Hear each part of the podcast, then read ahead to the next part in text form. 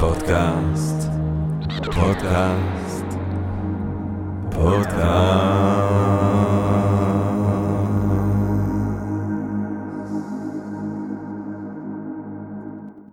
טוב, אה, גבירותיי ורבותיי, ברוכות וברוכים הבאים לפודקאסט של Think and Drink Different, פודקאסט למי שאוהב לחשוב ולשתות. אני ג'רמי פוגל, ואנחנו רוצים להודות לסמסונג נקסט תל אביב, קרן השקעות בתוכנה בשלבים מוקדמים, שמאפשרת לנו להקליט את הפודקאסט במשרד שלה בשרונה כחלק מתוכנית התמיכה בקהילת החדשנות והיזמות הישראלית. אוי, כל הכבוד, דוקטור.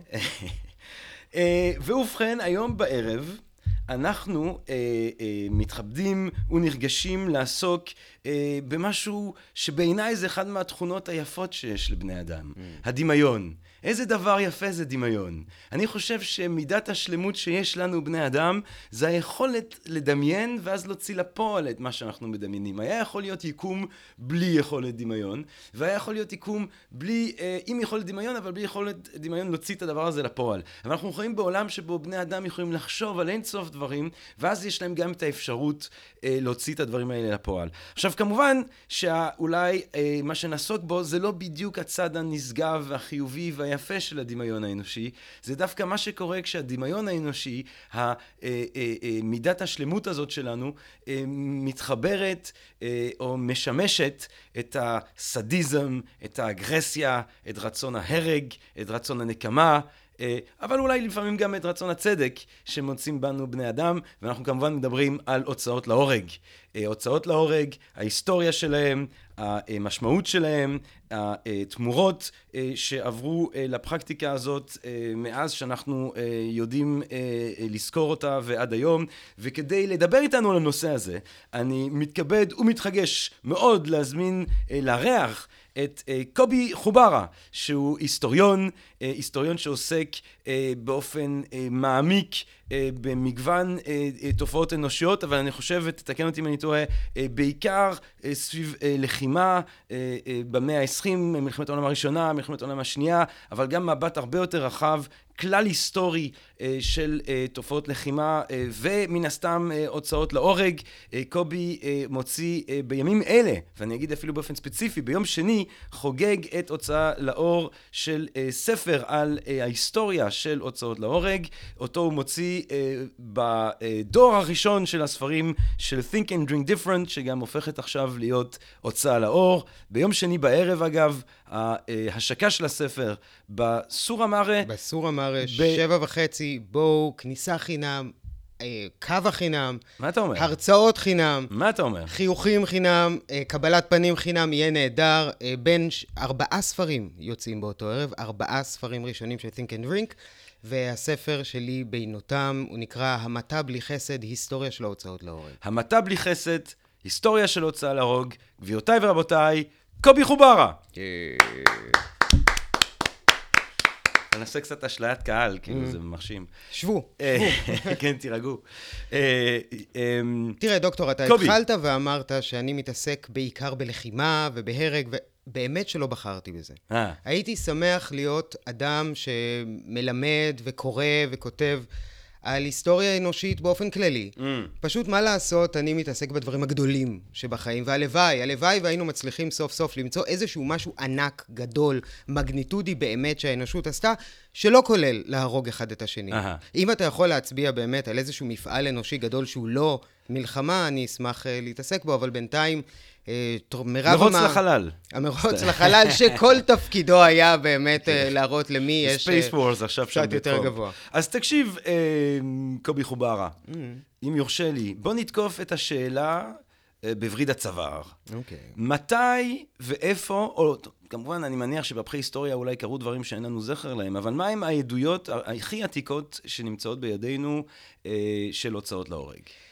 אז באמת העדות, עדות משוערת, כן, ספקולטיבית, הקדומה ביותר להוצאה להורג מגיעה מהפרה-היסטוריה, זה האתר שנמצא בקניה, בנאטה טורק. Mm-hmm. אולי. רק נגיד פרה-היסטוריה זה בעצם מה שקדם את, ה... כתיבה. את הכתיבה. כן. כן. לפני שהייתה ההיסטוריה, ההיסטואר, הסיפור הכתוב. שזה נגיד, תן לנו, תתארך לנו את מתי ההיסטוריה מתחילה בעצם?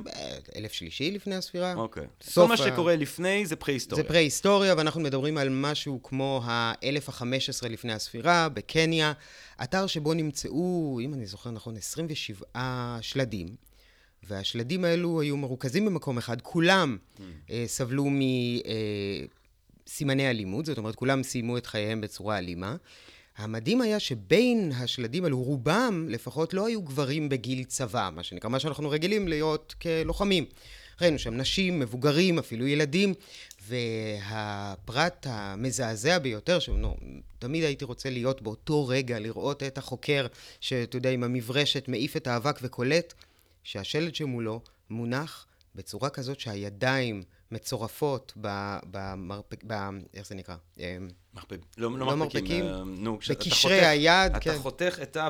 את הוורידים של הריסטס. מת על הדוגמה שלך. אה, איפה שהכפפה נגמר, בוא נקרא לזה כך, בשורש כף היד, אה, מאחור. זאת אומרת שכנראה חלק לפחות מהשלדים היו שלדים שידיהם היו עקודות אחורה. וזה mm. לא נראה, זאת אומרת, זו, זו באמת המתה של אדם חסר אונים, אדם שלא יכול להתנגד. Mm. אז בין החוקרים תוהים האם זו באמת אחת הדוגמאות הראשונות להוצאה להורג, או, או תיאור אתני, טבח עם, זה לא משנה מהו תיאור אתני אם לא הוצאה להורג. אנחנו הורגים אדם על פשעו, ולפעמים פשעו זה דבר מולד. Mm. אבל uh, זו יכול להיות העדות הקדומה ביותר שיש לנו. לאחר מכן באמת יש קפיצה ארוכה אל ההיסטוריה. Mm. וכשאנחנו מדברים על ההיסטוריה, אז אנחנו רואים קודקסים, קודקסי חוקים מהעולם העתיק, אם זה חוקי השנונה, אם זה חוקי חמורבי, אם זה החוק החיטי, ובחוקים האלו מפורט, עונשו של מי שעושה כך וכך הוא מוות. Mm. אז אם עונשו מוות, זאת אומרת שהיו לנו הוצאות להורג, ומשם האנושות מתגלגלת הלאה, מאמצת בחום את המנהג הזה, ואם אנחנו באמת מסתכלים אחורה, או מנסים לדמיין, או כמו שאנחנו מכירים בני אדם, עושה רושם שפחות או יותר לא הרבה זמן אחרי שהבינו איך אפשר להוליד, mm. הבינו איך אפשר להרוג, mm. איך אפשר להוציא אנשים מן העולם הזה, ולעשות את זה בצורה מתוכננת. Mm. וזו למעשה הוצאה להורג. Mm. אז אתה חושב, אה, עכשיו, אולי גם תיתן לנו כבר מראש, עוד לפני שאנחנו נכנסים לעוד תיאורים היסטוריים, את התזה הכללית אה, של הספר, הרב-מכר, ההולך לבוא אלינו ביום שני לטובה.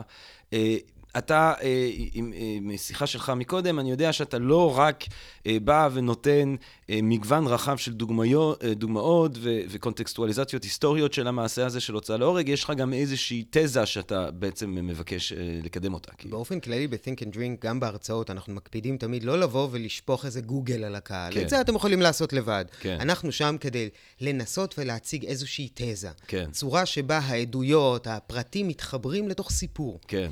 ובמקרה של הספר אני לא עוסק, אני יודע שזה יאכזב אותך כ- כפילוסוף, דוקטור, mm. אבל אני לא עוסק בכלל בשאלה הגדולה, mm. המרגשת, העוקרת שינה, האם הוצאה להורג היא מוסרית עם להב, האם זה נכון עם להב, האם צריך לעשות את זה או לא.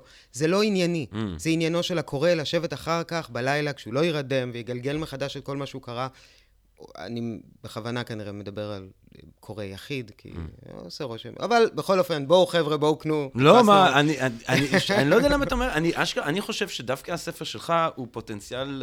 אה, הלוואי, הלוואי, uh, חבר'ה, זה באמת... זה אנשים באמת... אוהבים הוצאות להורג, נכון, נכון. אוהבים לקחוא על הוצאות להורג. אבל מה שאני באמת מנסה לשרטט בספר הזה, זאת כן. השאלה הגדולה, מה זה? מה זו הוצאה להורג? מה כן. המשמעות שלה? מה התפקיד שלה? מה אנחנו עושים פה? כן. ואני שם לב, או לפחות מנסה להציג בספר, שלאורך ההיסטוריה, דרך השיטות ודרך המנהגים ודרך הנהלים של ההוצאה להורג, אנחנו רואים שינוי גם במהות שלה. Mm. אם ההוצאה להורג בהתחלה, אה, אנחנו כנראה שלפי העדויות ההיסטוריות, השיטה הקדומה ביותר הייתה הסקילה. Mm. אם בהתחלה הסקילה היא מייצגת, היא, היא, היא, היא ממש אמ, איך נקרא לזה? היא נראית כמו המתה אינטואיטיבית. Mm. הכאבת לי, פגעת בי, פשוט זורק עליך שיט שאני מוצא. את הדבר הראשון כן, שאני מוצא, אני מרים ומשליך אליך, כן. בדיוק. ולאורך ההיסטוריה אנחנו מנסים כאנושות להרחיק, לעדן את זה, לסבלם את זה קצת. Mm. רגע, אז לא אה, באותו רגע ובאותו מקום בו פגעת בי, בואו נעשה משפט. בואו נעשה מקום מסוים, למשל בתלמוד מופיע בית הסקילה, כן. זה מקום שבו מוציאים להורג. בואו נעשה איזשהו טקס מסוים, בואו נעשה הקראת גזר דין. Mm. לאט לאט אנחנו מעדנים, מרחיקים ומנסים לצמצם את מושג הנקמה. Mm. כי בן אדם, פגעו בו, כואב לו, הוא רוצה משהו בחזרה. Mm. ואולי הכאבה או המתה או mm. מחיקה של האדם הזה mm. שעשה לי ככה, או לבן משפחתי, זה קצת ימלא את כוס הנקמה שלי וירגיע את הנפש הסוערת. שזה באמת איזשהו מרכיב מאוד מעניין של הנפש האנושית, אה, שניטשה מדבר עליה, על הרעיון הזה שאם אתה פגעת בי, והכאב שלך, זאת אומרת, נחשב לאיזשהו טוב שמשלים את החסר שנעשה לי. זאת אומרת, זה מעניין שמבחינתי, זאת אומרת, מילא גנבת ממני כסף, אז נראה הגיוני, טוב, אני, מה שיספק אותי זה כסף חזרה, אבל מסתבר שהכאב שלך שווה לי את הכסף, או את הכבוד, או את הפגיעה אה, אה, כלשהי שעשית לי, שזה... אה, אנשים אה, רוצים מעניין. לחזור לאיזשהו, אה, נקרא לזה הומאוסטזיס אה, צדקי, כן, נקרא כן, לזה. כן. קצת להרגיע, קצת ליישר. שבו לכאב שלך יש ערך בשבילי. כן. כן. אבל עם הזמן אנחנו נתקלים למשל, מה קורה במקרים של פשע שאין בו קורבן? Uh-huh. למשל, אה, עבודה זרה. עבודה זרה. אוקיי. איזה אנרכיסט. מה קורה לגבי עבודה זרה? כן. עבודה זרה זה בעצם פשע שאתה לא יכול להצביע על איזשהו קורבן כאוב שמסתובב דומע ואומר, איך לקחו לי את המה? לקחו לא, לך. לא, אבל זו לא תפיסה חילונית, זאת אומרת, היא יכולה להיות תפיסה דתית מסוימת, אולי קצת אה, אנתרופומורפית, שבו האלוהים... אתה מנסה להגיד שהאל נחסר באיזשהו צעד? אני אישית, אה, כמחזיק בדעות יווניות אה, לגבי האל, באמת לא חושב שאל מושלם, כל יכול כל יודע, יכול למצוא את עצמו במצב של תסכול או של חסר, או לפחות ככה נראה לי, ונראה לי שהיוונים עלו פה על, על באמת איזושהי בעייתיות, אבל אין ספק שאנשים תופסים את האל כנפגע באיזושהי צורה, האל, שמ... האל קנאי נפגע באיזושהי צורה מעבודה זרה, וגם עבודה זרה יכולה לגרום למצב שבו אה, אה, האל אה, פחות יתמוך בנו, נגיד. זאת אומרת שהעדה כולה נפגעת. העדה כולה נפגעת. נכון, אנחנו רואים למשל... שמימד העונש, mm. לא רק הלמלא את הכוס הריקה, למלא את החור, מימד העונש מגיע קצת הלאה בהיסטוריה. Mm. כשהאנושות מציגה מול עצמה אה, תפיסה דואלית של טוב ורע, שכר ועונש, mm. אנחנו מבינים, רגע, אז עכשיו אנחנו צריכים לתת למישהו עונש לפי חומרת העבירה שלו. Mm. אז אם הוא עשה עבירה קטנה, הוא יקבל מלקות. Mm. אם הוא עשה עבירה יותר גדולה, אז נהרוג אותו mm. בהטבעה מהירה או בתלייה, למשל.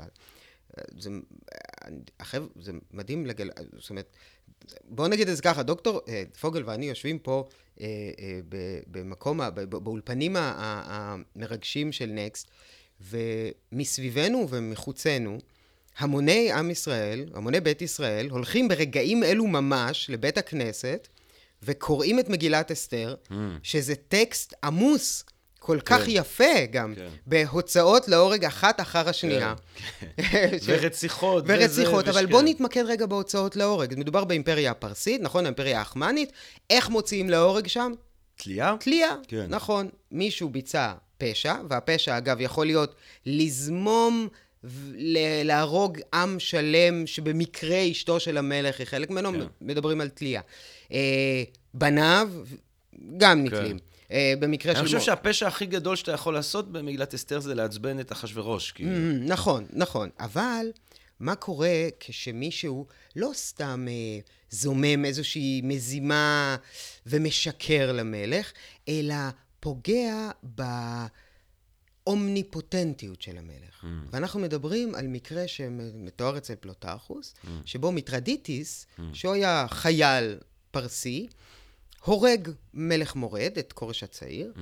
והמלך הנפגע, שהסתובב ואמר, אני הרגתי, כשהוא מגלה שיש מישהו אחר שאומר שהוא הרג, ושובר לו את הסיפור, מחליט שצריך להוציא אותו להורג, אבל לא סתם בתלייה, כמו mm. שנהגה באימפריה הפרסית, אלא העונש פה חמור מאוד. הרגע אמרת שהמלך, מלך המלכים, המלך הפרסי הוא מלך מלכים. אה, לכן, אגב, ביהדות מדברים על מלך מלכי המלכים. Mm. כן, להגיד, כן, אז אה, אנחנו מלך מלכי המלכים. אה, אז המלך הפרסי הזה, שהוא מלך מלכים, שמישהו מעז להגיד שהוא לא אימנו, זאת אומרת שהוא לא כל יכול, mm. צריך להרוג אותו בדרך מיוחדת. Mm. ואת מיטרדיטיס באמת הורגים בדרך מאוד מיוחדת, שמתוארת אצל פלוטרכוס. שזו שיטה שנקראת הסירות. Mm, ואתה מכיר את הסירות, או כן, סקפיזם כן, ביוונית, שזה ריקון. כן. אה, אנחנו נספר, אנחנו נשאיר לחבר'ה לפתוח את הספר. אני חושב שאנחנו נספר. אוקיי, אז בואו, תפתחו דף ועט, ותרשמו. במידה ומישהו גורם לכם כמלך מלכים כן. להיות לא אומניפוטנטיים, להלן אה, תהליך ההריגה.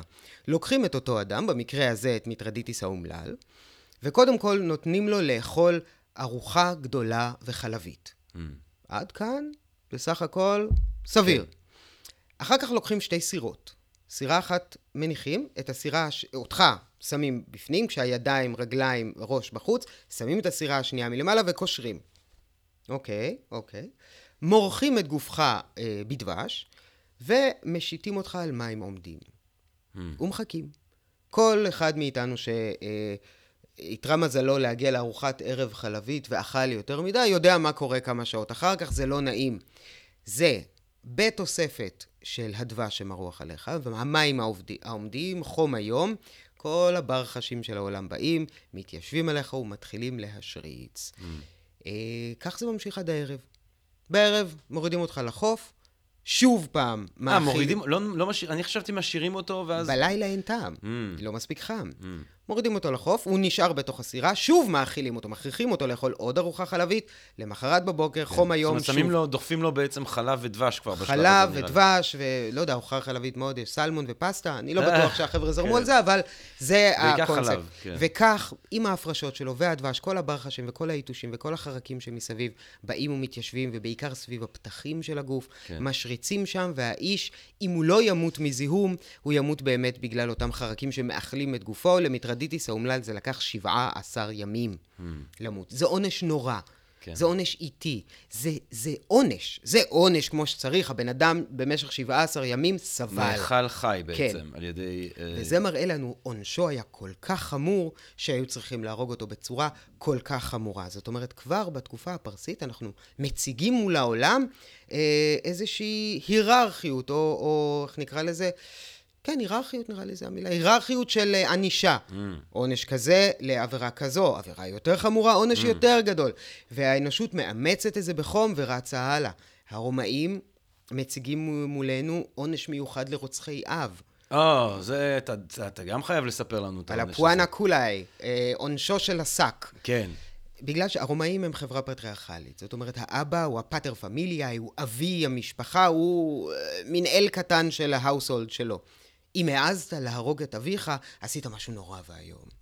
ולכן מגיע לך עונש מיוחד, והעונש הוא לקחת אותך, לוקחים שק של אור, אתה מוכנס בפנים, יחד איתך מכניסים קוף, mm. כלב, תרנגול וצפע, קושרים, זורקים למים.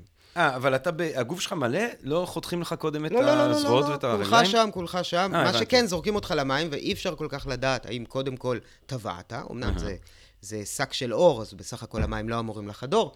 האם הנחש הקיש אותך, הכלב נשך אותך, הקוף... לא יודע, עשה לא, טריקים לא, משעממים. קוף זה חיה שיכולה כן, כן, אכזרית מאוד. כן. והתרנגול סתם מציק לכולם. כן. אה, מסכניות החיות באמת שלא הרגו אף אב, אבל זה גם מראה לנו משהו לגבי התפיסה של הרומאים לגבי אותן חיות. זאת אומרת, הקוף נתפס שם כמין אדם אה, גרסת הבטא של כן. האדם, הפחות מתוחכם. כן. הכלב הוא החיה הבזויה ביותר. התרנגול הוא בן אדם שאין לו אה, רגשות משפחתיים, הרי יש כן. תרנגול אחד ולול שלם. והצפע הוא החיה היחידה בטבע שיכולה להרוג ברגע בו היא נולדת. Mm. כי כבר יש לה את ההרס. Mm. כל אלה יחד איתך כדי לה... להבהיר לך, מעין ענישת מראה. אתה הרגת את אביך, עשית דבר כל כך נורא, אתה טומאת בשיטה כל כך כל כך נוראית. אה, המטה הרומאית הקלאסית, אנחנו מכירים אותה כי באמת אחד המוצאים להורג המפורסמים בעולם אה, הוא מתקח, וזה ישוע הנוצרי, שזוהי הצליבה. הצליבה. הצליבה. אז רק שנייה, אבל אז, אז בואו, אני רוצה לשים את הדברים האלה בהקשר אה, אה, הכלל היסטורי שעברנו כרגע. Mm-hmm. אנחנו היינו בקניה של המאה ה-15 לפני הספירה. האלף ה-15 לפני הספירה. זאת אומרת, 15 אלף שנה. כן, כן, כן, כן ברור. 15 אה, אלף שנה לפני הספירה. או, והנה נכנס תובל מ-Think uh, and Drink Different. הרצאות, פודקאסט והוצאה לאור. עכשיו, שב, שב ותתנהג, אם לא נוציא אותך להורג עם ספינות, נשים אותך בספינה, נאכיל אותך חלב, יאכלו אותך ג'וקים אה, בתוך הספינקטור והפה והעיניים, וזה יהיה לא נעים. לא נעים בכלל. 15 יום עד שאתה תתבגר, זה יהיה נורא. אה, איפה היינו? היינו ב-15... אה, לפני הספירה. לפני הספירה. 15 אלף שנה לפני הספירה בקניה. ואז אתה אומר, סקילה, ואז עברנו לפרס, שבו אתה אומר, מתחיל להיות מידתיות בין mm-hmm. חומרת העניין לבין חומרת העונש. נכון. אה, עברנו אז לדוגמה של רומא, אבל אני רוצה שנייה לחזור לסקילה, כי הסקילה זה הכי קרוב הבית. נכון. זה מה לנו... שיחזור... אם הבחירות ימשיכו לכיוונים הכללי, אז יכול להיות שגם זה יחזור אלינו, כן? סקילה. Mm-hmm. מעניין דווקא לראות סקילה, היא עדיין נשארת פופולרית במזרח התיכון. נכון. בעיקר, בעיקר ענישה על עבירות מין. נכון. אה, בעיקר אז, נשים. מה, אז מה עם הסקילה הזאת בתנ"ך? מה עם הסקילה הזאת בכלל בתרבות היהודית? מה... הסקילה היהודית, הסקילה המקראית, כן. בוא נגיד, זה כמו שהיא מתוארת במקרא, היא באמת איזשהו ניסיון לעדן טיפה את האינסטינקטיביות של ההמתה הסקילתית, כן? של כמו שאמרנו, מרים משהו וזורק על מי שפגע בי. אולי אפשר לראות גם המתה סקילתית כבר במיתוס, הסיפור המיתולוגי של, אה, של קין. נכון, אני חושב שהוא הורג אותו פשוט עם אבן. אה, לא, מופיע, איזה... לא מופיע לנו איך הוא הרג אותו, זה כבר כן. המפרשים, כתוב כל דמי אחיך, ואז רש"י מדבר, דקר אותו בהרבה מקומות, כי לא ידע מאיך יוצאת נשמה, וכן הלאה וכן הלאה וכן הלאה. אבל... זה לא עם אבן, אני סתם דמיינתי את זה עכשיו שזה עם אבן. אה, לא, אבל נתת לנו פתח קטן לתת-מודע שלך. כן. וכולנו יכולים עכשיו לזרום על זה על הכיפאק. או לתת-מודע שלי, או לסרט על נוח שעשה את ה... לא משנה. נו. הסקילה היהודית, לפחות כמו שהיא מתוארת במקרא, היא באמת ניסיון מאוד עדין להרחיק אותנו מהאינסטינקטיביות, מהמיידיות של הוצאה להורג, אה, של נקמה. Mm.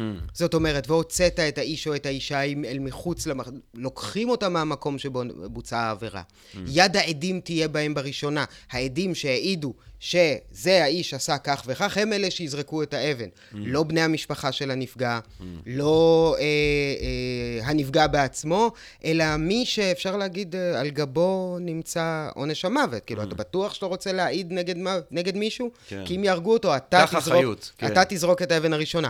ולאחר מכן, אם הוא לא מת מאותן זריקות, אז כל העדה זורקת אה, את האבנים אה, עליו. בתלמוד אנחנו רואים שיש שם המשך של העידון הזה, mm. ויש נהלים הרבה יותר ברורים. איזו אבן, באיזה גודל, מאיפה זורקים, בעצם זורקים מישהו מהגג, שמים אבן עליו. זאת אומרת, כל הזמן יש איזשהו ניסיון ל...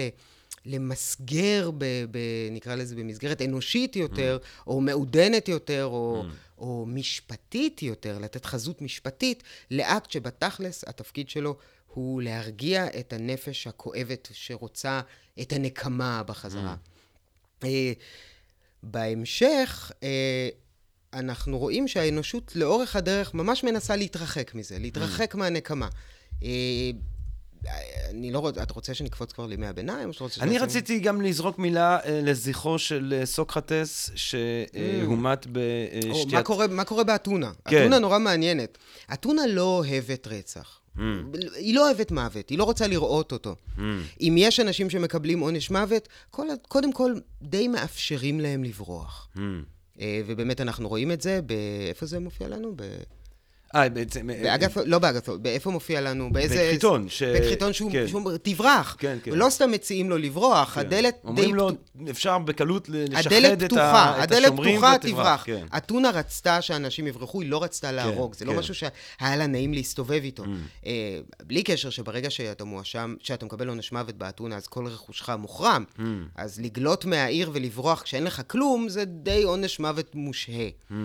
אבל אם אם נגזר על מישהו למות, אם היה לו מספיק כסף, הוא היה יכול לקנות לעצמו את uh, רעל הראש mm. ולהתאבד. Mm. אבל אם גם זה לא היה לו ולא הייתה ברירה, הם השתמשו באמת בסוג של צליבה אה, נטולת אה, מסמור, נקרא לזה. מין צליבה שלא מערבת דם. Mm. זאת אומרת, צליבה שבעוד אתה נקש... כי גם בצליבה הישועית, כן? Mm-hmm. בעצם אתה מת מזה שאתה נחנק. באיזשהו שלב זהו, המשקל... זהו, זו שאלה נורא מעניינת, ממה אתה מת כן. כשאתה נצלב. הם שוברים אה... לך את הברכיים, כל המשקל הולך על החזה, ואתה מתקשה לנשום. בדיוק, ואתה לא יכול לנשום, והריאות כן. מתמלאות בדם. למעשה, לא באמת ידעו עד הסוף ממה אתה מת מצליבה. אה, גם בגלל שלא עשו יותר מדי ניסויים אה, מדעיים בעת החדשה. כן, העיקר התוצאה. כן, וגם בגלל ש... באופן מפתיע לכמות הנצלבים לאורך ההיסטוריה של הרפובליקה והאימפריה הרומית, לא היו לנו ממצאים. לא היה לנו איזה שלד אחד לרפואה שאפשר להסתכל עליו או, אוקיי, ככה. Mm. אה, זו, אגב, הסיבה היא פשוט שחלק מן הצליבה היה העובדה שאסור לך להוריד את השלד או mm. את הנידון מעל הצלב, עד שהגוף שלו באמת מתפזר לחלוטין. במקרה של ישוע, היה לו מזל שהיה לו disciples שהורידו אותו, כן. נדפו אותו וכן הלאה. אבל אז הוא קם לתחייה, כך שאת הגוף שלו אין... בדיוק. כן. אה, מה שכן, אבל באמת הכל השתנה, כשבסוף שנות ה-60 לדעתי, אה, ארכיאולוג יווני-ישראלי מצא פה, בארץ, אה, גלוסקמה של יהוחנן בן חגקול, בחור, כך כתוב על הגלוסקמה, יוחנן בן חגקול, ובעצם הקרסול שלו mm. היה תקוע מסמר. Mm. ועל המסמר מצאו בבדיקות אה, שרידי עץ. Mm. כנראה בגלל שהוא יהודי, המשפחה הצליחה איכשהו לשחד וכו', כדי לשמור על שלמות הגוף ועל mm. כבודו, הורידו אותו עם חתיכת עץ על המסמר ולא הוציאו את המסמר. ואז סוף סוף הבנו איך קודם כל מוסמרו הרגליים. מסתבר אגב שהם מוסמרו מן הצדדים ולא מקדימה, כמו שאנחנו רגילים. Mm. כמו שרוב הקרוספיקסים, הצלובים ב... mm. באיקונוגרפיה הקתולית והפרובוסלבית וכן הלאה, הם מופיעים. ובמנח הזה די מובן שהאדם שנצלב כנראה באמת נחנק למוות, כי ריאותיו התמלאו בנוזלים והוא לא הצליח להרים את עצמו. אגב, שבירת ה... אה, ברכיים. שבירת ה... לא ברכיים, אלא השוקיים, mm. רק אה, זרזה את המוות. זה כן. היה איזשהו אקט אה, מלא חמלה. כן. כדי לזרז ולהביא על בן אדם. חמלה יפה. חמלה יפה, סוג של קודגרה. מה עם שאר שלושת ההוצאות להורג מתוך ארבעת מיטות בית דין? כי דיברנו על סקילה, אני רואה גם שריפה, הרג, עם סייף כאילו, mm-hmm. חנק. כל הדברים הללו גם כאילו היו אה, כשרים, לכל הפחות. נכון. תראה, מה אומר? ניסיתי להסתכל או להצביע על uh, שיטות הוצאה להורג שיש לנו באמת uh, עדויות ברורות עליהן. ובמקרה של אותן uh, שיטות הוצאה להורג שמופיעות בתלמוד, אין לנו יותר מדי עדויות שאכן הן התקיימו, כן. מעבר לאזכור מקראי ואחר כך אזכור uh, תלמודי. אנחנו כן רואים לאורך ההיסטוריה שכל השיטות האלו מופיעות ומופיעות יפה מאוד. Mm. גם החנק, במקרה התלמוד מדבר על חנק שזה uh, שפיכה של uh, מתכת מותכת לתוך הגרון ולא לתלייה, mm. אבל הסייף בוודאי, כריתת הראש, mm. שמופיעה לאורך ההיסטוריה, והשריפה, שהופיעה, שהופיעה באופן מפתיע בימי הביניים דווקא כדי לשמור על צנעתן של נשים, ולאו דווקא כדי שהן יסבלו יותר מגברים. פשוט שאר שיטות ההוצאה להורג חשפו את האזורים המוצנעים בגופה של האישה, ולא ראוי שהקהל הרב שמתאסף מול הגרדום יראה אישה במערומיה, זה לא מכבד את האישה, ועל כן ישרפו אותה וכך היא תמות במוות נורא, איטי ומייסר, אבל העיקר, צנועה. אז אם אתה, אז בוא תיקח אותנו באמת כבר לימי הביניים, ואולי נתחיל מלדבר על זה, אם אתה רואה אה, אה, הבדל אה, קטגורי לא מבחינת שיטות ההוצאה להורג, אלא יותר מבחינת המשמעות שניתנת להוצאה להורג, מהעולם העתיק יותר, שבו טיילנו עכשיו קצת, פרס, רומא, יוון, ישראל, אה, לבין אה, ימי הביניים, נגיד אם אנחנו מדברים על ימי הביניים הנוצריות, הביניים אה, של אירופה, האם, האם יש הבדל, אתה רואה איזשהו הבדל פרשני בתיאולוגיה ש, שעוטפת אנחנו... את ההוצאה להורג? למרות שלאורך ההיסטוריה, ולא רק באירופה, היו לנו של... שלטון דתי זה לא דבר זר, אבל אפשר להגיד שהאלף שנה האלו של ימי הביניים, mm. מנפילת רומא ועד אה, הרנסאנס, הם שנים שבהם החפיפה בין החוק הנוצרי לבין mm. החוק האזרחי, הם, היא הם, כמעט מוחלטת. Mm. עכשיו, אם יש לנו חוק כנסייתי שאומר נולה גרטיה אקס אקלזיה, אין ישועה מחוץ לכנסייה. כן. הכנסייה היא הדרך היחידה שלך להגיע אל מלכות השמיים. הכנסייה היא המקום היחיד שבו אתה יכול לכפר על עוונותיך.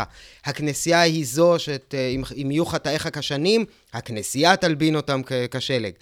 ועל כן, הכנסייה היא זו שבעצם אה, מתווה את הדרך ואומרת, אותו פושע, אותו רוצח, אותו מקצץ בנטיעות, הוא אדם שלא יכול להגיע למלכות השמיים. Mm. הוא אדם שיש אקס קומוניקציה טוטאלית בינו לבין עולם הבא. Mm. אבל, mm. אם הוא יסבול, אם הוא באמת יסבול, זה ימרק את חטאיו, והאיש הזה, כתינוק, יוכל להיכנס אל מלכות השמיים ולשבת על ברכיו של ישוע. Mm. למעשה, הכנסייה הקתולית והשלטון האירופי באותה תקופה מאפשר לרוצח לכפר באמת על חטאו ולהיכנס אל השמיים טהור. זה לא סתם שלהוצאות להורג הזוועתיות של האינקוויזיציה, איך קוראים לטקס הזה? אוטודפה. Mm. מעשה של אמונה. Mm. כי האדם שנשרף וזועק, זו, זה מעשה האמונה שלו, הוא כרגע מכפר על חטאיו, ועוד שנייה ממש הוא הולך להיכנס אל גן העדן עם חיוך רחב ולהגיד, חבר'ה, אני, אני את שלי עשיתי. Mm. אלו אנשים שבאמת שילמו את חובם, אולי לא לחברה, אלא לאל. אז בעצם ההוצאה להורג בימי הביניים היא לא רק עונש, היא כמעט סוג של מתנה mm. בשביל הפושע. ויש לנו עדויות מרגשות מאוד. על uh, הוצאות להורג פומביות בימי הביניים, כל ההוצאות להורג היו פומביות בימי הביניים, שבהם הנידון והקהל כמו חזן בבית כנסת, הוא קורא פסוק תהילים והם עונים אחריו ושרים מזמורים ביחד, והנידונים למוות, בין אם מתוך uh, לב נשבר ובין אם מתוך ניסיון להרחיק קצת את הרגע שבו יתחילו לשרוף אותך, נוצאים נאומים באמת נוטפי דמעות על איך דרכי אה, פנתה שמאלה והגעתי למקום הנורא הזה, וכמה הייתי רוצה לכפר על חטאיי. מדובר בטקס שלם, באירוע שלם, בהופעה שהמטרה שלה היא לחלוטין להעלות את רמת האמונה והצדיקות והחסידות של הקהל, mm. שרואה, הנה אדם שבאמת הולך לשלם חתיכת מחיר כדי להיות צדיק בחזרה. איזה מזל שעוד לא רצחנו, ואנחנו יכולים בסך הכל להגיד הייל מרי ולתרום קצת כסף. או לשלם, כן. כן, ולקנות אינדולדנציה ועל הכיפה. זאת אומרת, אני, אני רואה מאוד את ה... כמובן את ההקשר, את הפרשנות אה, שההגמוניה הקתולית רצתה לתת למעשה הזה, אבל mm. אני... אני אני לא יכול שלא לחשוב שמבחינת האליטה זה היה ציני לחלוטין. זאת אומרת, מבחינת האליטה, הם כן עדיין רוצים את אותה נקמה אנצסטרלית, והם כן רוצים שתיסרב ושיכאב לך, ושתהיה אה, אה, מושפל ברבים ושתסבול מוות נורא, אבל אתה מוכר את זה להמונים כחסד אלוהי, כי ככה אתה ממתג את המעשה הדתי שלך. אני, אני לא יכול, קשה לי להאמין שהאפיפיורים למיניהם באמת האמינו אה, שהם עושים טובה, שהם נותנים מתנה לאותם אנשים. אתה יודע, דוקטור, זה מעניין שקשה לך להאמין שהאפיפיורים באמת האמינו, אבל uh, אתה זורם על הכיפאק עם זה שהם נורא נהנו לראות אדם סובל. כן. אוקיי. סבבה? אני משאיר אותך. אוי, אוקיי. ועוד איך. אוקיי, אוקיי, אוקיי. אני איכשהו אפס קצת יותר אופטימי לגבי האנושות, אולי בגלל שאני לא פילוסוף, כן. אה, או באמת בגלל שאני לא איש אקדמיה לא, כמוך, ולא איבדתי את הרצון שלי להאמין באדם. כן. אני רוצה אבל לראות, תראה, תכלס אתה כמומחה למלחמת העולם הראשונה והשנייה, אתה צריך להיות הרבה יותר פסימי ממני. בכל הנוגע לאהבת אתה יודע מה, אתה יודע מה, הייתי רוצה, הייתי רוצה לענות לך, הייתי רוצה לענות לך משהו לגבי האליטה. אני חושב שאנחנו צריכים להסתכל גם על העם הפשוט, וגם על האליטה בימי הביניים, דרך עיניהם, ולא בצורה אנכרוניסטית. מה כן. הכוונה? זה לא רק שדרכו של הפושע אל האל ארוכה, ולכן הוא צריך באמת לסבול הרבה עד שהוא יגיע אל, אה, אל ה pearly gates, אל דלתות כן. גן העדן. גם העם הפשוט, ה hoi polloi, הפרולטר שעוד לא יודע שהוא פרולטר, שהוא יכול לשאת את השם הזה בגאווה, הוא רחוק הרבה יותר מן האל מאשר האציל שנולד לתוך מעמדו. בגלל שבני המעמדות העליונים הם אנשים שהם נקיים יותר מוסרית מתוקף מעמדם, דרכם אל האל קצרה יותר. ועל כן לכולם, לא רק להם, אלא גם לעם הפשוט, מאוד הגיוני שלמשל בואו נדבר על uh, גרמניה המאה ה-14, סבבה? גרמניה המאה ה-14, אתה בן אדם מהמעמד הפשוט, מוציאים אותך להורג בשיטה אחת ברורה, שהיא שבירה על הגלגל. Mm. שבירה על הגלגל זה אקט ארוך, מייסר, נורא, שבו קושרים אותך לגלגל uh, של עגלה, שוברים פחות או יותר כמעט כל עצם בגופך, וזהו. Mm. ואז מרימים את הגלגל על עמוד, מוקיעים אותך ומחכים שתמות. זאת אומרת, אתה קשור לגלגל. כן. הגלגל uh, מתגלגל. הגלגל לא, הגלגל תקוע על עמוד, uh-huh. שוברים את כל... אה, פשוט מרביצים... Uh... שוברים לך כל, כל מפרק uh, בגוף, okay, okay. שוזרים אותך יפה בתוך ה... Uh, ב, אגב, בקינות של, uh, על גזרות תחתת של יהודי אירופה, מופיע uh, וישברום ויקלעום באופן. זאת אומרת. שוברים וקולעים אותך בתוך האופן. זה, זה mm. מאוד אסתטי, זאת אומרת כן. שזו אסתטיקה מאוד מיוחדת. זאת הוצאה להורג איומה, איטית ו- וזוועתית. לעומת זאת, mm. אם אתה בן המעמד הגבוה וביצעת, רצחת 20 איש, עורפים את ראשך. Mm. אה, בגרזן, ואם יש קצת יותר כסף, אז חרב, שזה בכלל מכה אחת ונגמר העניין. ואף אחד לא גרזן, לא מתפלא. גרזן זה עלול להיות... כן, זה לרוב מכה. בין, אה, בוא נגיד, במקרים טובים זה מכה אחת, לרוב זה בין 3 ל-12 מכות. מאוד תלוי במיומנות של ה... ממש, ממש כן. כך. ימי הביניים הכריחו את, ה, את האנושות להמציא מקצוע. כן. שקוראים לו מוציא להורג. בן אדם שיש לו מוטוריקה גסה ועדינה והמון המון המון ידע אנטומי.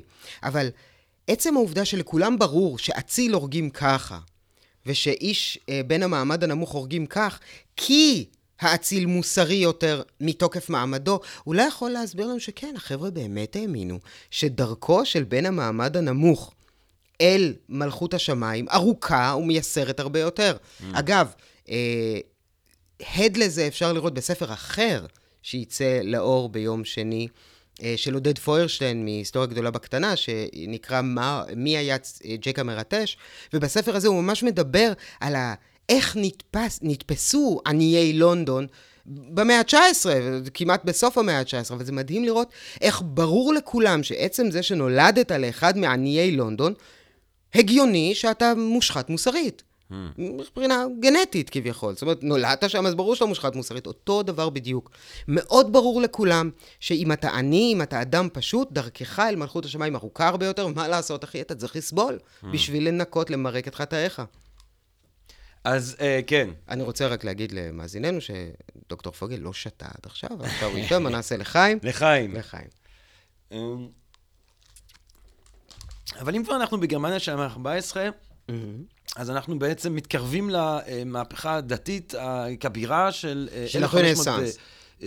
17, הפרוטסטנטיות, הרפורמציה. נכון. האם יש, אה, האם הרפורמציה, האם בעצם הרגע שבו אה, הכנסייה הקתולית מאבדת את הבלעדיות על חיי הרוח של הנצחות, לפחות באירופה, האם, האם זה, זה משפיע גם על הוצאות להורג?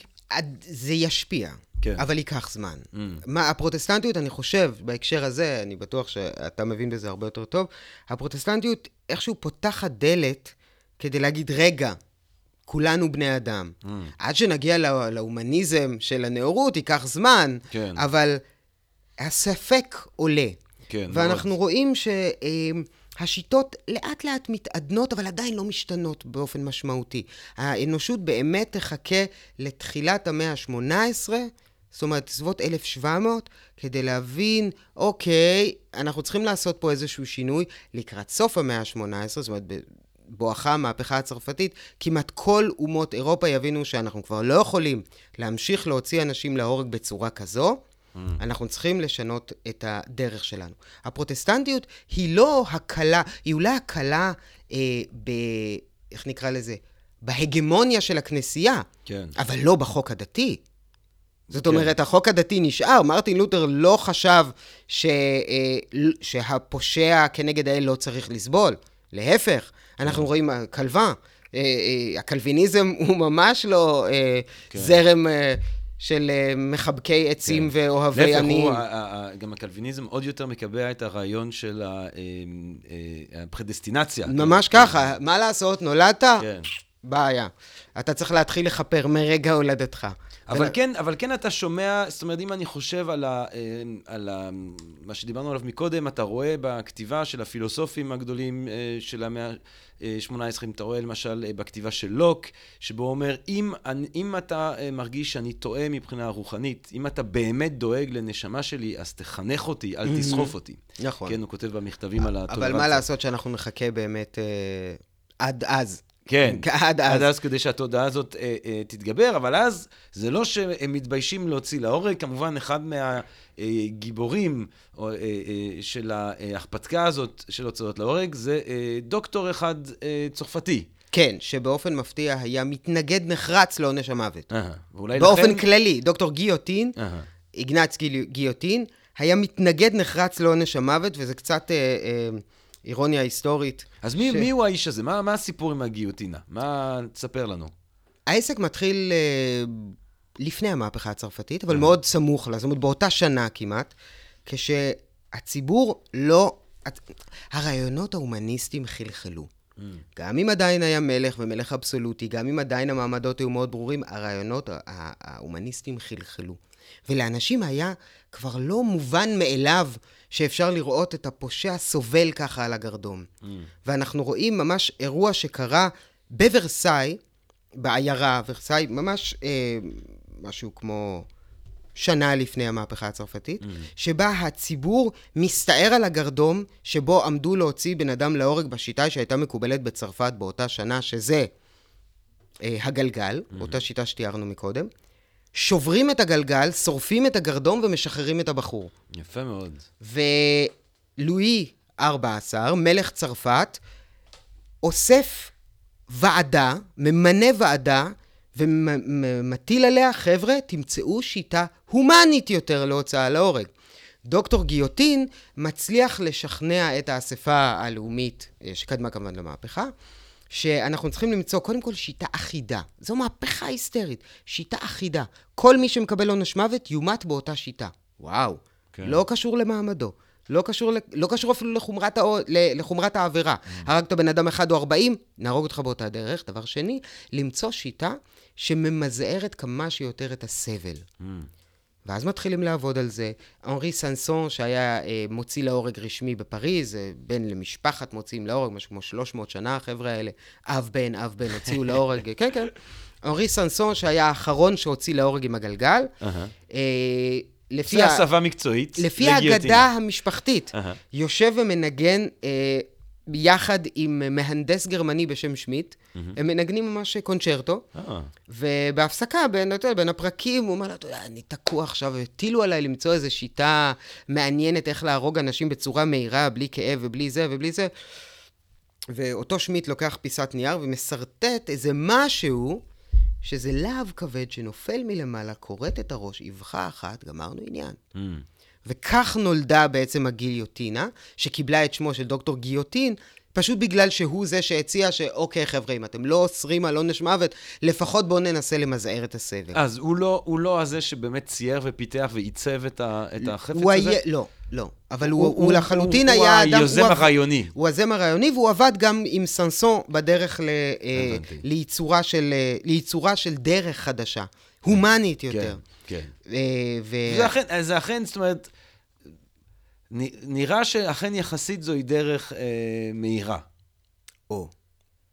תלוי אם אתה ממשיך להיות אה, ער. יפה. אומרים, יש את, ה, יש את הסיפור הזה שהראש ממשיך להיות נכון, ער. נכון, נכון, נכון. אה, אז מה, זהו, אנחנו, אין שום סיבה לקנות את הספר. אנחנו עוברים פרק אחר פרק. אוי ואבוי. סתם, סתם, חבר'ה, יש עוד המון המון דברים. אה, כולל תמונות של דוקטור פוגל בעמודים ומסרים. אבל...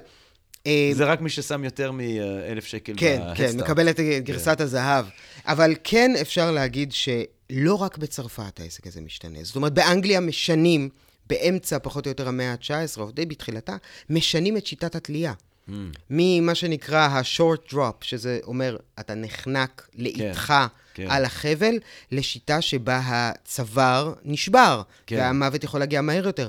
בגרמניה... סדאם חוסיין, למי שראה את הסרט. הייתה long drop. זה היה long drop, long drop, הוא כן. מת מהר מאוד. יש לומר שהוא הלך, טוב, זה לא זר לו היה כל הסיטואציה, אני מניח. אתה יודע מה, אני, נורא מעניין איך הוציאו להורג בעיראק באותה תקופה, לדעתי לא הייתה תלייה. כן, אני מניח שהוא הוא גם, הוא גם מתנשא בתלייה סדאם. אני מניח שהוא אישית? כאילו... אישית? אני מניח שהוא עשה מלא, אתה יודע, אני מניח שהוא, שהוא אני, היה עד לכל מיני... אני חייב להגיד שכל פעם שמסתכלים על איזה דיקטטור ואומרים כמה אנשים הוא הרג, אה. אם אני הייתי דיקטטור, אה. דבר שלפעמים אני חושב עליו. כמו כולנו. אם הייתי דיקטטור, אני חושב שלא הייתי מלכלך את ידיי בהרג של אנשים. כן. ולא הייתי בא לראות את זה, זאת אומרת, אם אתה יכול לשבת בבית בזמן שמישהו אחר עושה את זה. אבל לא משנה, בוא נשים פנטזיות בצד. כן, לגמרי. אבל... לא רק בצרפת. אז ה long drop, היינו ב long drop. נכון, כן. באנגליה כן. התלייה משתנה כן, כדי כן. באמת להביא למוות. בגרמניה השיטה uh-huh. משתנה. פרידריך ברברוסה, uh-huh. סליחה, פרידריך הגדול, פרידריך der Große, בעצם נותן הוראה, תמשיכו להרוג בגלגל, אבל אם אפשר, תחנקו את הנידון לפני, כדי שכל השבירת רגליים וידיים תקרה כשהוא מת, רק אל תראו את זה לקהל. מעניין. הקהל יחשוב שהוא עדיין סובל, מעניין. אבל שלא יהיה שם סבל וואו. יותר מזה. זאת אומרת... הפרידריך כי... הגדול הזה הוא... בן אדם מאוד מעניין. כן. נכון, מאוד מעניין. מה, אנחנו צריכים פעם לעשות עליו פרק בפודקאסט, mm. אני מאוד אוהב אותו. בן אדם נהדר. Uh, זה, אבל, אבל זה, זה, זה חשיבה הגיונית, כי אתה אומר, עדיין יש את ההרתעה, עכשיו, הרתעה או לא הרתעה, אבל יש את האפקט הזה שלכאורה זה אחד מהסיבות להמשיך להוציא לא, להורג. אבל בואו לא ניתן סבל נהיה, כל כן, כך נורא. כן. אגב, אבל מהרגע שבו פתחנו דלת להומניזם, מהרגע שבו החלטנו, טוב, בואו ננסה לרחם על המוצא להורג, זה כבר אבוד בשביל האנושות. מאותו רגע לא מפסיקים לחפש שיטות כמה שיותר עדינות, מהירות ונטולות סבל להרוג. כן. וכשכנראה אחד המקרים הראשונים שבהם הבינו שהוצאה להורג בגיליוטינה היא לא מוות מיידי ב... וגמרנו, mm. הייתה בהוצאה להורג של שרלוט קורדה. שמה קרה אז? אה, המוציא להורג תפס את ראשה והציג אותו בפני הקהל, כן. זו הייתה פרקטיקה רגילה, כן. אבל אז הוא סתר ללחייה. אה, נכון. והקהל העיד שלחייה האדימו. כן. עכשיו, אה, לא אמור להיות לחץ דם. מאותו רגע חוקרים המשיכו וחקרו, חוקרים במשך מאה שנה, יש לנו ממש עדויות לאורך כל כמה שנים, יש כן. רופא אחר שעושה ניסויים, עד דוקטור בוארו, שממש חתם הסכם עם מוצא להורג בשם לנגוי, אה. שהוצא להורג ב-1906, אם אני זוכר, והוא קרא על הראש, והראש ענה לו. לא היום, נכון. אה, מה זה ענה לו? הסתכל עליו. אה, לא אמר כן. אה, כיום אנחנו מבינים שהכרה כלשהי ממשיכה בין כמה שניות לכמעט דקה אחרי המוות. זאת אומרת שרוב הסיכויים שאותם מוצאים להורג עם הגיליוטינה, שהציגו את ראשם אל הקהל ואמרו, ראו... אה, הנה דודה זאת. הם ראו את הקהל כן. בחזרה. וואלה. כן. אבל, כן. וואו. כן, כן. אבל אני לא חושב שאתה חש כאב. כן, אין לך, אין לך כנראה דרך לחוש כאב, אבל העלבון. העלבון. לא יודע, אתה מסתכל עוד קצת על הקהל, אתה אומר, אה, הנה זה מהתיכון, הקהל לא, הקהל לא אוהב אותך. הקהל לא אוהב אותך. אה, מה אתה אומר? אז רק שנייה, אז אם אנחנו צריכים לבחור, אם אתה צריך לבחור הוצאה להורג, אם אני צריך, אה, אתה יודע, זה כמו בסרט של מונטי פייתון, שהוא בוחר אה, שירוצו אחריו. Execution? Yes. אה, אוקיי, אתה מדבר על אחר. כן, כן, כן. מה אתה, אז מה נראה אז, אם לא גיליוטינה, מה, תלייה? אבל long drop אולי? אני חושב ש... כדור בראש? לא, שיטה שלא משתמשים בה. שזה תא גזים שעובד על... CO1, אתה יודע, אוקיי. כאילו שהוא um, CO1, נכון? חד פח, תחמוצת הפחמן, משהו כזה, um, זה פשוט גורם לך להיות ישנוני ואז להירדם. או זריקת רעל אמריקאית. לא, זה לי... נראה לי ש... זה נראה לי כואב. זריקת רעל? להפך. יש לי תחושה, יש לי לא. תחושה שזה, שאתה משותק, אבל זה כואב. זריקת הרעל האמריקאית היא באמת, אם אנחנו מדברים על עונש, אה. פה אנחנו מדברים על אבסורד. כי קודם כל אנחנו מחכים שהנידון למוות יהיה בריא. כן. בריא. כן. זאת אומרת, אם אתה לא בריא, מחכים עד שתבריא, ואז. דבר שני, זריקת הרעל היא בעצם שלוש זריקות שונות. Mm-hmm. הזריקה הראשונה מרדימה אותך, mm-hmm. היא חומר הרדמה. כן. כמו כל מי שעבר הרדמה מלאה בניתוח, עברת כן. פעם ניתוח, דוקטור? כן, כשהייתי ילד. אוקיי, וזה היה נעים נורא כן, ללכת לישון. הזריקה השנייה משתקת את הגוף, אבל אתה ישן. כן. הזריקה השלישית עוצרת את הלב. Mm-hmm. עונש, אין פה. טוב, חוץ מזה שאתה מפסיק לחיות. כן, אבל אה, אם, בגלל שאנחנו, מה לעשות, נמצאים בחברה חילונית, כן. שמדברת על זה שאין בעצם שום דבר הלאה, נכון. אז מבחינתך, מבחינת החוויה האישית שלך, הלכת לישון ולא קמת. כן, זאת אומרת, אבל, אתה אבל... לא מפספס כלום, כי אתה לא. נכון, זה אפיקורוס, נכון? אה, מה זה, המוות בעבורנו ואינו כלום, כי מה שאינו חש אינו בעבורנו כן. כלום. אבל אה, אתה לא שם. אבל אז... כן, אבל, אבל, אבל אתה יודע, אבל אם לא היית מוציא אותי להורג, אז הייתי למחרת יכול לקום, ואומנם אני בכלא, אבל אה, לאכול איזה תפוח, או לראות אבל לא, איזה... אבל, אבל שוב, אתה... אתה אינך. אין, אין סבל שנעשה, אה, לא נעשה לי סבל, אנחנו רחוקים מאוד מהספינה הפרסית, בוא נגיד את זה כן. כן, לחלוטין. אבל אתה יודע מה, אם כבר העלית את האמריקאים, אז אתה צריך, אנחנו חייבים לכבד את החידוש שהם הביאו לעולם. משמע הכיסא. או, כן. הכיסא החשמלי הוא... מה הסיפור של הכיסא החשמלי? הכיסא החשמלי, כנראה שיצירתו, הורתו, ביאתו לעולם של הכיסא החשמלי, לחלוטין נבעה מסיבות, אה, איך נקרא לזה? של יח"צ. Hmm.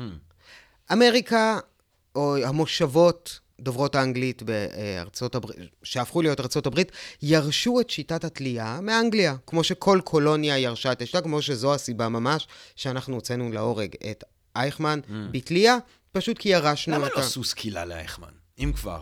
אם כבר כאילו... כי מה מדינת לעשות? היהודים. כי החוק העות'מאני הוחלף בפקודה האנגלית, ואנחנו ירשנו את הפקודה האנגלית, ויחד איתה, את נהלי התלייה. אם כבר יש סקילה וזה, אתה מביא כמה שורדי שואה עם אבן, וכאילו... יאללה, חבר'ה, זי גזונט. סקילה. מעניין, אבל באמת, אה, תודה, תודה. תודה ללא יודע מה לאלוהי ההומניזם שהתרחקנו כל כך מאותה נקמה אינסטינקטיבית ונתנו לזה לפחות מראית עין של כן, צדק. כן. Uh, בארצות הברית התלייה, הם, הם ירשו מאנגליה את התלייה, אבל הם לא ירשו מהם את, השו, את הלונג דרופ. Mm. זאת אומרת, הם המשיכו להרוג בתלייה אכזרית, נוראית וארוכה ולא מכוונת. זאת אומרת, לפעמים חבר'ה שרדו את התלייה, לפעמים אה, רשם נחרט כי החבל היה אה, ארוך מדי וכן הלאה וכן הלאה. זה הלונג דרופ, שהוא ממש ארוך, אז הראש שלך... כן, כי יש לנו יותר כן, מדי כן, המסה כן, ו- וכדור הארץ כן. וכל מיני עניינים כאלה. ובנוסף, mm. מלחמת האזרחים האמריקאית יצרה מצב שבו יש מה שאוהבים לכנות unrest בדרום, אה. שכשלבנים לא מרוצים בדרום, בסופו של דבר, מה קורה? תולים שחורים. כן, לינץ'. לינץ'. בדיוק. והחבר'ה הצפונים, זאת אומרת, חבר'ה המתורבתים, הבורגנים של ניו יורק וכולי, רצו להרחיק את ההוצאה להורג המשפטית מהלינץ'. אה, הם חיפשו שיטה חדשה, שיטה נקייה מודרנית. יותר. חוץ מזה שאנחנו מדברים באמת על סוף המאה ה-19. הסבל לא כל כך קרוב. בתי הקברות יוצאים מחוץ לעיר, יש כן. מורפיום. כן. אתה לא רגיל לראות אדם יושב וזועק מכאב במשך שעות, אפשר לתת לו מורפיום. אנשים לא רוצים את הסבל, הם מחפשים משהו נקי יותר. Mm. וכמובן, סוף המאה ה-19, הדבר הכי סקסי, מדהים, מעניין וחדשני בעולם. אלקטריסיטי. בדיוק. אה, אבל הכיסא החשמלי, יש לו ייחוד אחד מאוד מעניין, שאנחנו 아. אה. לא חושבים עליו. 아. אה. זו שיטת ההוצאה להורג הראשונה בהיסטוריה, שמהרגע הראשון נעשתה מאחורי דלתיים סגורות. Mm. לא בפומבי. כל שאר שיטות ההוצאה להורג קרו בפומבי, הציבור ראה... אבל אין. איזה, אין איזה חלון ומאחורי החלון ואז המשפחה יש כמה מוזמנת? עדים, יש כמה yeah. כן. עדים, יש אפילו עיתונאים, אבל הם מנועים מממש ממש לספר מה קורה. והתקב... זה, לא ב, זה לא בכיכר ה... בדיוק. לא בכיכר העיר. ובשביל הציבור התקבע ששמים בן אדם על כיסא, לוחצים, בז, מת. כן. אבל לא היא. זה לוקח זמן, 아. אה. ויש ריח, mm. ויש גם זעקות לפעמים, כן. ולא תמיד זה מצליח. וקקה ופיפי וזה. בדיוק, כן. אבל מבחינת הציבור, אין להם מושג. 아. אה. ולכן הכיסא החשמלי הוא המבשר באמת של אותו עידן הבוא נהרוג בבזט אחד עם מינימום סבל, אפילו שזה לא נכון, אבל זה מה שהציבור ידע. כשהסיפור יצא החוצה, כשאנשים הבינו שהעסק לא כזה פשוט, התחילו לעלות קולות ואמרו, חבר'ה, צריכים למצוא שיטה נוספת, אחרת. ואז הגיע... תא הגזים. תא הגזים, האישיים. תא הגזים, אה, ש... זאת שיטה... זה תא גז פרטי, כן. זה לא מהסוג שאנחנו נכון, מכירים. נכון, וזו כן. שיטה גם, היא בעייתית משתי סיבות. קודם כל, זאת שיטת ההוצאה להורג היחידה, כנראה, שמאוד מסכנת את המוציא להורג. אה, אשכרה. תחשוב על זה. יש גז. כן. זה, זה משהו שאתה יודע, כן. we all breathe. אבל מצד שני, היא גם איבדה את יחסי הציבור הטובים שלה באמת אה, בסביבות שנות ה-40 של mm. המאה ה-20. נאצים האלה. נכון. אה, ועל כן ארצות הברית... אחסו את תאי הגזים. כן, כן. כן, זה כמו שאומרים על היטלר שהוא נתן שם רע לאנטישמיות. אה, יפה. הוא גם נתן שם רע לתאי הגזים. כן, כן. גם נתן שם רע לצמחונות. והוא גם, אה, אתה יודע, לא נעים, הוא שכנע אותנו שהאל מעדיף אה, אומנות טובה על פני יהודים, כנראה. אבל אמ, וזו אחת הסיבות באמת שמובילות לפיתוחה של אה, הזריקה הקטלנית, שהיא בעצם שלוש זריקות. כמו שהם גם יורים, נכון? או, בארצות הברית זה מעניין, מהכיסא החשמלי לא ביטלו שיטות, אלא הוסיפו. והיום יש כמה מדינות בארצות הברית שמועמד, אה, נידון למוות יכול, כן, מועמד. המועמדים לנידון השנה. אה, יכולים ממש לבחור. וואלה. לבחור שיטת הוצאה לאור. בין תגז, כיסא, כן. עדיין יש כיסא, עדיין אפשר לבחור כיסא חשמלי? דצמבר האחרון. זה האחרון? ד... דצמבר האחרון, 2018. מישהו... הוצא להורג ב... אה, על כיסא חשמלי. ב-2010 הוציאו ביוטה בן אדם למוות בכיתת יורים. כיתה? אה, כן. או של... אחד. כיתת יורים, אה. כמה אנשים. אז וכמה אנשים כדי לוודא שפוגעים בו, או כי אף אחד מהם לא יודע מי פגע, או מה? אה, קודם כל, המתה על ידי כיתת יורים היא שיטה צבאית. כן. היא שיטה שמאוד קשורה, מאוד מחוברת, סימבולית ו... ו... איפשהו זה קצת גרסה מעודכנת של הסקילה, כי יש לך חבורה של אנשים... יפה, נכון, ממש כך. אנחנו רואים שבעצם אנחנו חוזרים חזרה כן. ליד כל העדה, נכון? כן. כל העדה זורקת אבן. ומעניין שבאותה הוצאה להורג של אותו אדון גרדנר בארצות הברית ב-2010 ביוטה, חיפשו מתנדבים שיאיישו את uh, כיתת ההוצאה להורג, כי אין כיתת הוצאה להורג כוננות שיושבת ומחכה. Uh, וקודם כל הייתה כמות עצומה של מתנדבים. מה אתה אומר? אבל בחרו מתוכם את אנשים שגרים במחוז בו בוצעו הרציחות שאדון גרדנר ביצע. אז בינינו... אנחנו ממש חוזרים פה על העדה. כן. העדה זורקת אבנים על, ה, על אותו אדם שהוא נידון למוות. עכשיו, גם אם אנחנו, אה, אם אנחנו כבר מסתכלים קצת על המאה ה-20, אז יש לך בעצם כיסא גלגל, אה, כיסא גלגל, כיסא חשמלי, mm-hmm. כיתת יורים, אה, תגז אישי, וזריקה בארצות הברית. נכון. בצרפת, אם אני לא טועה, מפסיקים עם ההוצאות להורג בשנות ה-70, אבל 1972. ממש עוד... יש עוד גיוטינה. כן, כן, בטח. ח... אה, חמידה ג'נדובי אה. היה האחרון שהוצא להורג בצרפת. בעולם הערבי אנחנו מוצאים סקילה, אנחנו רואים עריפת ראשים, תלייה. נכון, כל השיטות האלו. הסינים... הסינים מוציאים... death by a thousand cuts. כן, לא, היום. שגם זה לא. עוד במאה ה-20, יש את התמונה הנוראית המפורסמת הזאת. נכון, אבל כפרקטיקה רשמית, מה שנקרא, אנחנו כן. מדברים בסין כנראה על uh, משאיות גז ומשאיות רעל, uh-huh. ולפעמים הוצאות להורג פומביות בעירייה. וה-death by thousand cuts, רק שנאמר, זה אה, קושרים אותך וחותכים אותך פשוט, ב... טוב, כמו שמו, כאילו, מורידים כל מיני חלקים. כן, וזה, כן. ונותנים לך אופיום כדי שתחזיק מעמד. אה, בכלל הסינים יש להם גם איזה דמיון, נכון? יש, זה כבר יותר עתיק, שהיו קושרים, אני לא יודע אם זה אגדה אורבנית, אולי תתקן אותי, קושרים אותך, ואז שמים עץ במבוק קטן ופשוט נותנים לו לגדול. יש, יש המון שיטות הוצאה להורג, אה, נקרא לזה איזוטריות, שהיו פה או שם. אני השתדלתי בספר לעסוק באמת באותן שיטות שהיו כמה שיותר נפוצות, שהיו חלק, חלק מהרחוב, mm. חלק מהחיים. אתה יודע ש... אה, וויל גת'רל, הוא כתב ספר, הוא היסטוריון אה, דרום אפריקאי, mm.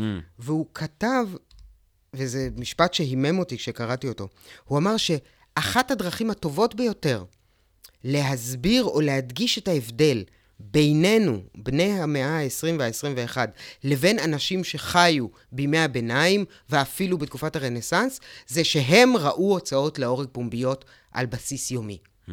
זה ממש משהו שמאפיין לא רק uh, עוד uh, פריט מידע, כן. זה חלק מהאישיות שלהם. מעניין. זאת אומרת, אנחנו גדלנו כאנשים שלא, שקוראים על זה. ששומעים טוב, על זה. למרות שצריך להגיד שדאעש עשו כמיטב יכולתם כדי uh, לתקן את המצב הזה. והשאלה הגדולה היא, מה הם ניסו להשיג בזה? כן. האם כמה אנשים בעולם התאסלמו לאסלאם סוני בעקבות צפייה בסרטוני יוטיוב של דאעש? הימור שלי, פחות מעשרה? לא, לא, לא, לא. אתה חושב שיש הרבה אנשים שהתאסלמו לאסלאם סוני כי הם ראו, אוקיי. אבל זה לגייס אה, אנשים, לאו דווקא אה, לאסלם, לגייס אנשים, זה איזשהו אמצעי. יכול להיות, אני, אני נעזר... תוכל לומר שהמטרה אני... היא אה, כן. לגייס כן. אנשים שהם גם ככה מוסלמים, ולא בהכ... לא בהכרח... זאת אומרת, לראות, אתם רואים מה קורה למי שמפשל? כן. חבר'ה, אני לא יודע אם צה"ל היה מפרסם מודעות גיוס שאומרות, כלא שש. או בקטע של למשוך כל מיני צעירים אבודים. למשוך אה, צעירים מבולבלים ואבודים. Mm. לתת להם אפשרות לעוצמה, אומר תובל רוזנבסר כן. ב-Think and Drink Different. שנאמר, join Daesh. see the world and shoot a lot of people that are bound with their hands. יכול להיות, אני uh, קצת uh, נסמך על מה שאמרה סוזן זונטג, אה, אה, בספרה סבלם, ש, אה, לצפות בסבלם של אחרים, ואני אני חושב, אני אישית חושב, שמה שדאעש ניסו לעשות, או לפחות מה הם הצליחו לעשות, זה לאו דווקא לגרום לנו אה, לפחד מהם ולקבל אותם, ובאמת להתאסלם לאסלאם אה, סוני, אלא לדאעש אותנו. Mm. הם החזירו את המוות לסלון. Mm. כי עד דאעש, רובנו לא ראינו אנשים ברגע מותם. כן. נכון? רק מי שממש ממש כן. חיפש. סדאם ומועמר, קדאפי, היו כמה סרטונים כאלה שרצו. נכון, כן. אבל מהרגע שדאעש הגיעו, כן. זה קצת תוך כדי פיהוק, תוך כדי שאתה מזפזפ כן, ביוטיוב, בפייסבוק שותה קפה, כן, מעשן כן. סיגריה, ואתה רואה עוד איש מת ועוד איש מת ועוד איש מת, וכאילו המוות חזר לרחוב וחזר לסלון. זה כאילו, דאעש לא אסלמו אותנו, דאעש דיעשו אותנו. הם גרמו למוות להיות לא זר לנו, mm. אלא מעין... אה, עוד בחור שיושב לי על הספה וצריך להתייחס אליו, המוות. תקשיב, אז אם אנחנו כבר מדברים, הגענו עד לימינו אנו, או קצת לפני ימינו אנו, אה, התחלנו בקניה, עברנו דרך אה, התנ"ך, התקופה הפרסית, היוונים, הרומאים, ימי הביניים, אמריקה, אה, דאעש. לא דיברנו על הנאצים. נכון. אה, אולי נזרוק מילה, צריך לכבד אותם אם אנחנו מדברים על אה, mm. הוצאות להורג. אז קודם כל, אה, מעניין ש... כנראה uh-huh. שבזמן השלטון הנאצי uh-huh. בגרמניה, זאת אומרת מעליית הנאצים לשלטון ועד 1945, שיטת ההוצאה להורג זה די ברור, שיטת ההוצאה להורג בגרמניה הנאצית של אזרחים גרמנים הייתה בגיליוטינה.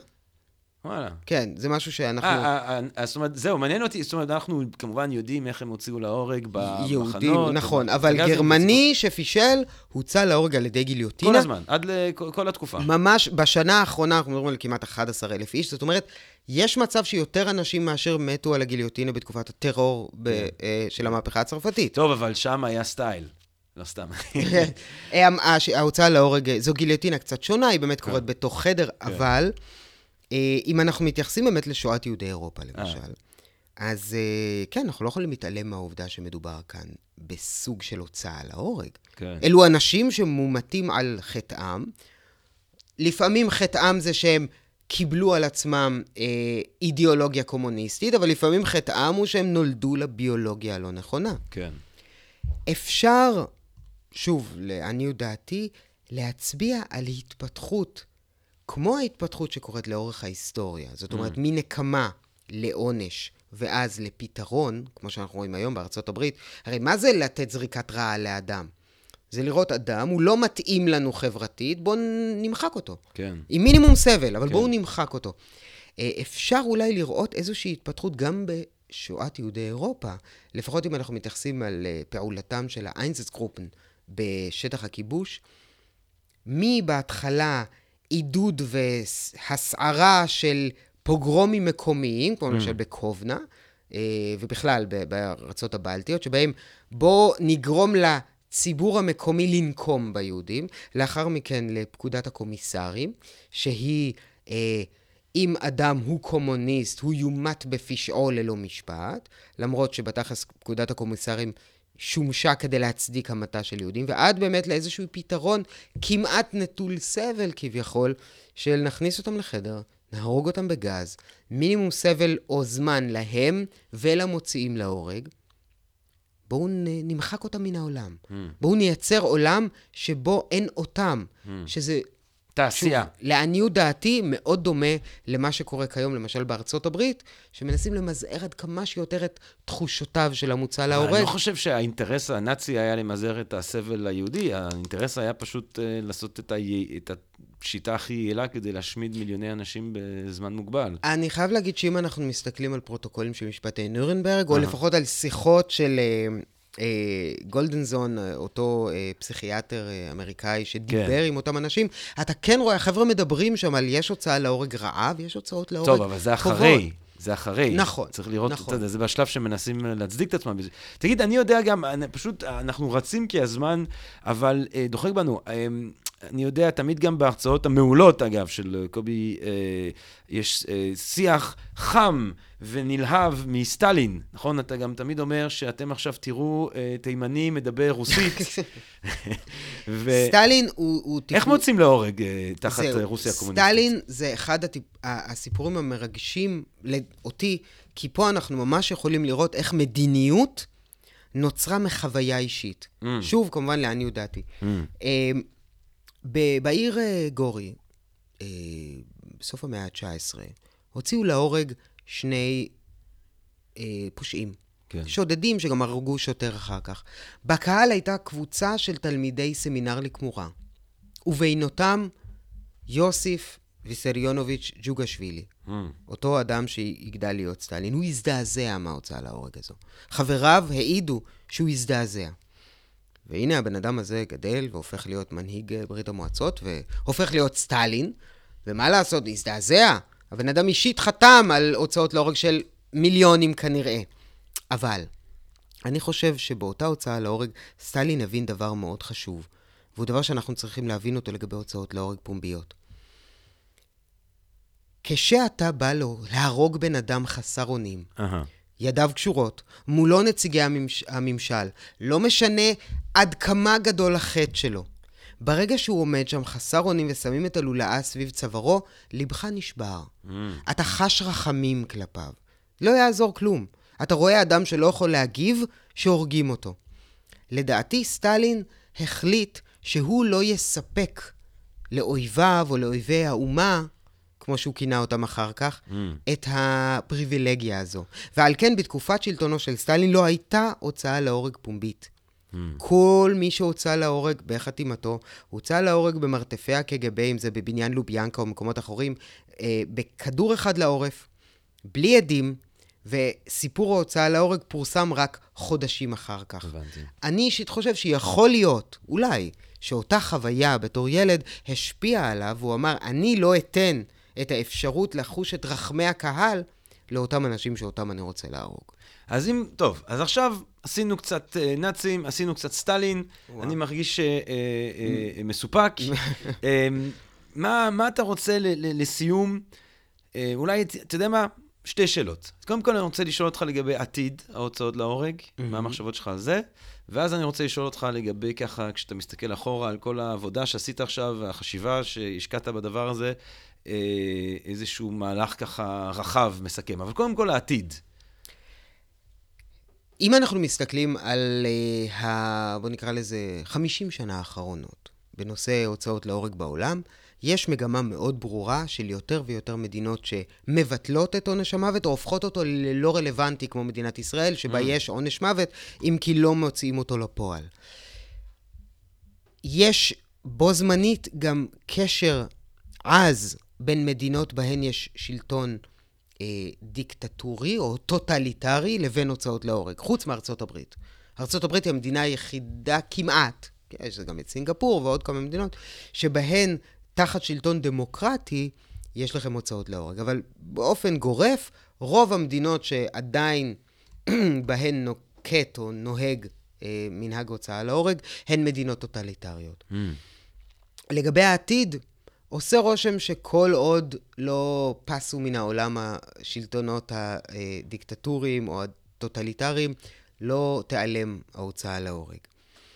אה, זו דעתי, אבל אה, שוב, אני מתעסק בעבר, ואני מת כבר שהעתיד יהיה עבר כשאני אוכל לשבת ולקרוא אותו. אה, אז, אם, אז, אם, אז עכשיו, אם אתה כמו המלאך של בנימין, כן, מתקדם קדימה, מסתכל אחורה, אתה רואה אחורה את כל הסיפורים ה...